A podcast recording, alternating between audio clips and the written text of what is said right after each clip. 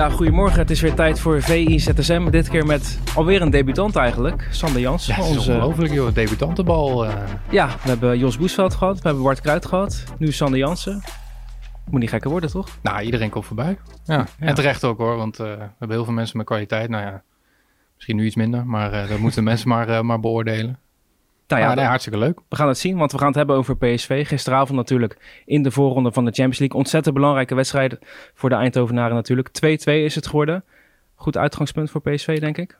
Ja, dat denk ik wel. Ja, op zich als je naar de wedstrijd kijkt, dan eh, als die keepersblunder er niet bij had gezeten, had je misschien wel gewonnen.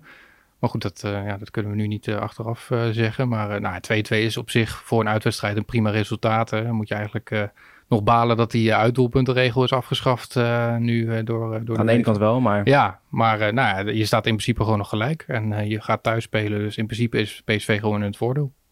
die blunder hè, van Walter Benitez. Wat zou er in zijn hoofd zijn omgegaan? Want dit, dit is een vrijtrap van Lawrence. Ja.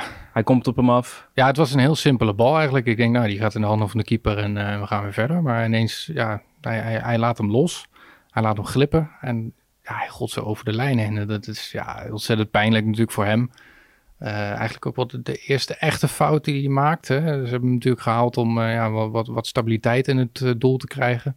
Kun je natuurlijk allemaal herinneren wat Joe Drommel vorig seizoen allemaal heeft gedaan. Nou ja, daar hoopten ze vanaf te zijn. De afgelopen jaren was hij een van de meest betrouwbare Ja, keepers in de league. Hè? Natuurlijk jarenlang bij Nice gespeeld. Ontzettend betrouwbare doelman geweest. Zijn eerste indruk bij PSV was natuurlijk ook goed.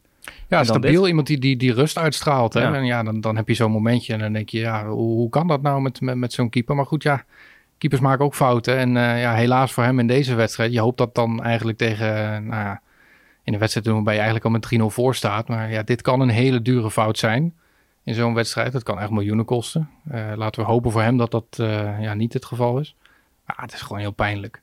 En hij zal ontzettend blij zijn geweest dat Armando Obispo nog even zin had om te scoren. Hè? Want Ja, ja, die kopte een goede corner van eh Cody Gakpo binnen. En daarmee laat PSV toch zien dat het ja, eh, eh, veerkracht toont. En net zoals ja eigenlijk... nou, die, die, die 1-2 viel eigenlijk, of die 2-1 viel eigenlijk op een heel verkeerd moment. Hè? Want Mhm. PSV zat er toen net eh, even beter in, kreeg ook kansen. Sabari ook een paar keer. En dan denk je toch van, nou, misschien kunnen ze die 1-2 gaan maken. Ja, dan valt die 2-1 ook nog op, op, op zo'n manier hè, met een keeper die, die, die een fout maakt. En dan ja, denk je eigenlijk van, dit gaat nog de verkeerde kant op.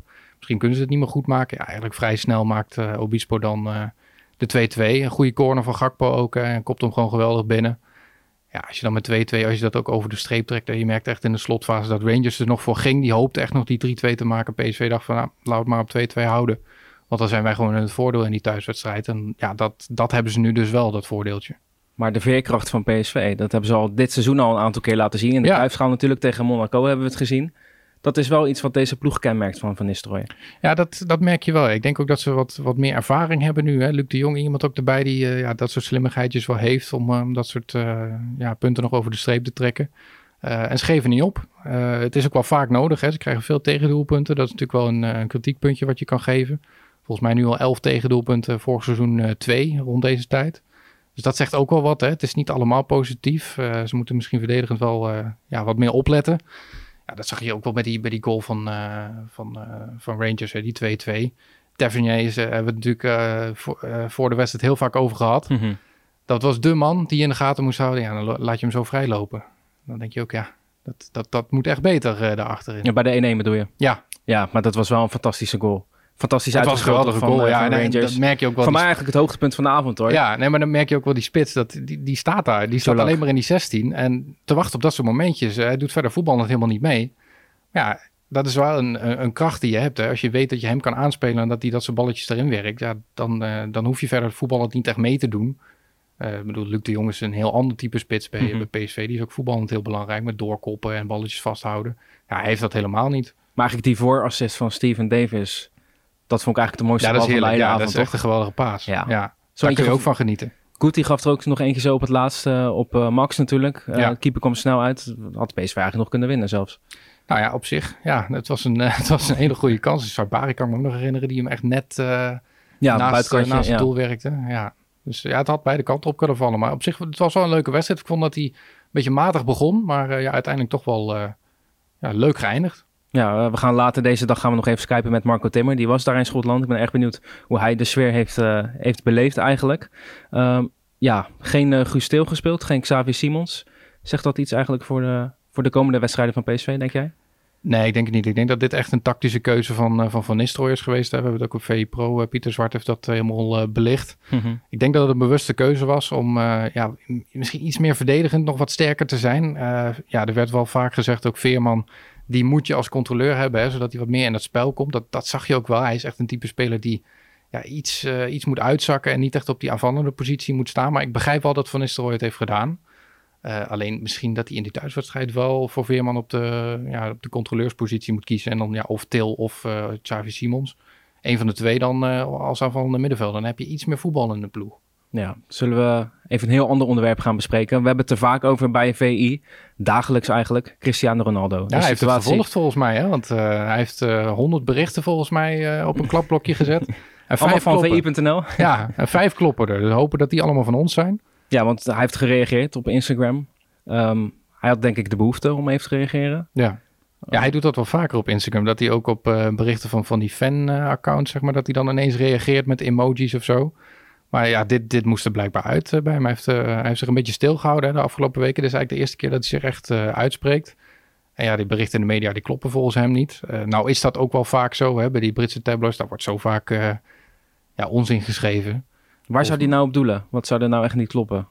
Ja, ik, ik denk toch de persoonlijke dingen over hem. Hè? Dat hij alleen luncht en dat hij Ten Hag niet zou pruimen, zeg maar. Dus, zijn tactische keuzes.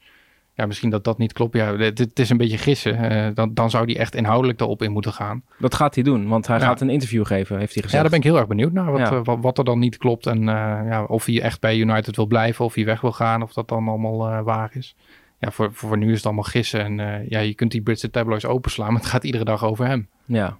Waar zou hij dat interview gaan geven? Ja, ik denk dat hij hier uh, Ik hoop hier, ja. De studio, uh, Ja, het is toch een mooie locatie. Dus wel even vliegen, maar uh, dit, ah, dit zou leuk zijn, ja. Privéjet heeft hij wel, toch? Misschien morgen een VIZSM met, met Cristiano Ronaldo. ja, het zou mooi zijn, ja. ja. Maar het is zo, blijft maar voortduren, hè?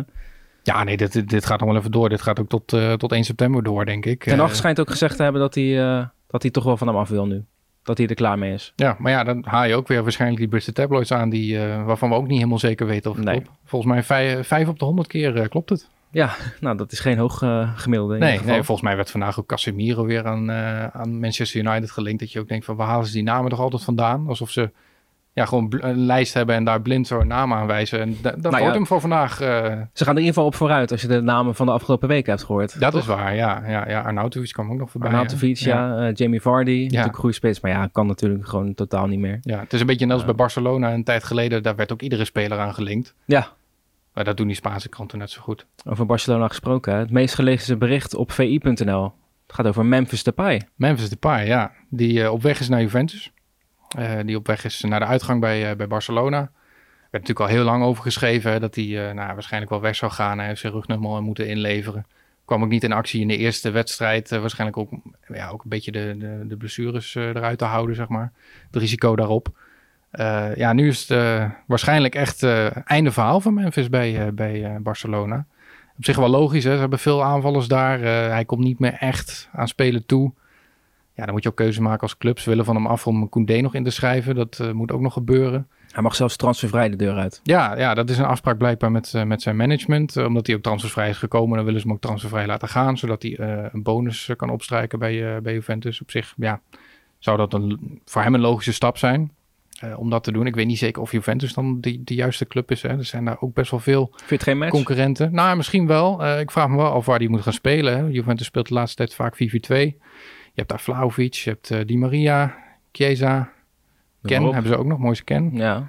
Dus uh, ja, de, concurrentie is daar ook wel moordend. Hè? Het is niet zo dat hij daar binnenkomt en, uh, en zeker weten gaat spelen. Dus ik ben wel benieuwd welke plek die moet gaan komen. Kostic is daar dan ook nog gekomen, maar ik denk dat die een beetje op de linkerflank gaat spelen, zoals hij ook bij Frankfurt heeft gedaan. Maar ja, dan, dan, wordt het wel leuk voor hem. misschien met, met, met Vlaovic een, een, duo. Dat, dat zie ik dan nog wel voor me. Het verbaast me eigenlijk dat hij nog niet gelinkt is aan Manchester United. Een terugkeer. Nou ja, op zich. Als wij dat nu gewoon gaan doen, dan... Uh, ja, precies ja. Dan brengen we dat even op gang. Nou ja, dat zou, zou ook zomaar kunnen. Maar nee, ik denk volgens mij is Juventus wel nagenoeg rond. Ja, hey, tot slot Sander, heb jij nog een tip voor ons? Wat moeten we gaan lezen op VE Pro? nou, er komt wel een hele hoop aan. ik zou dan persoonlijk zeggen de KKD, maar dat is iets heel anders omdat ik KKD-watcher oh, ben. Maar, Eigen belang. Nee, er komt nog een analyse over PSV ook aan, waarschijnlijk met, met Marco Timmer dan. En we gaan zeker nog vooruitblikken ook op de komende speelronde in de Eredivisie. met statistieken en, en analyse. Nou, dat, dat, zou ik sowieso lezen. Ik ben wat meer op, op Nederland gericht wat dat betreft. En ja, blijf vooral VPRO checken. Ja, en ik heb jou voorzetjes gegeven nu bij je debuut. En volgens mij heb je al uh, wel gescoord. Ik kop ze wel in, toch, als Luc de Jong? Zo in, ja. ja nou. Zou ik zeggen tot ZSM, Sander. Tot ZSM.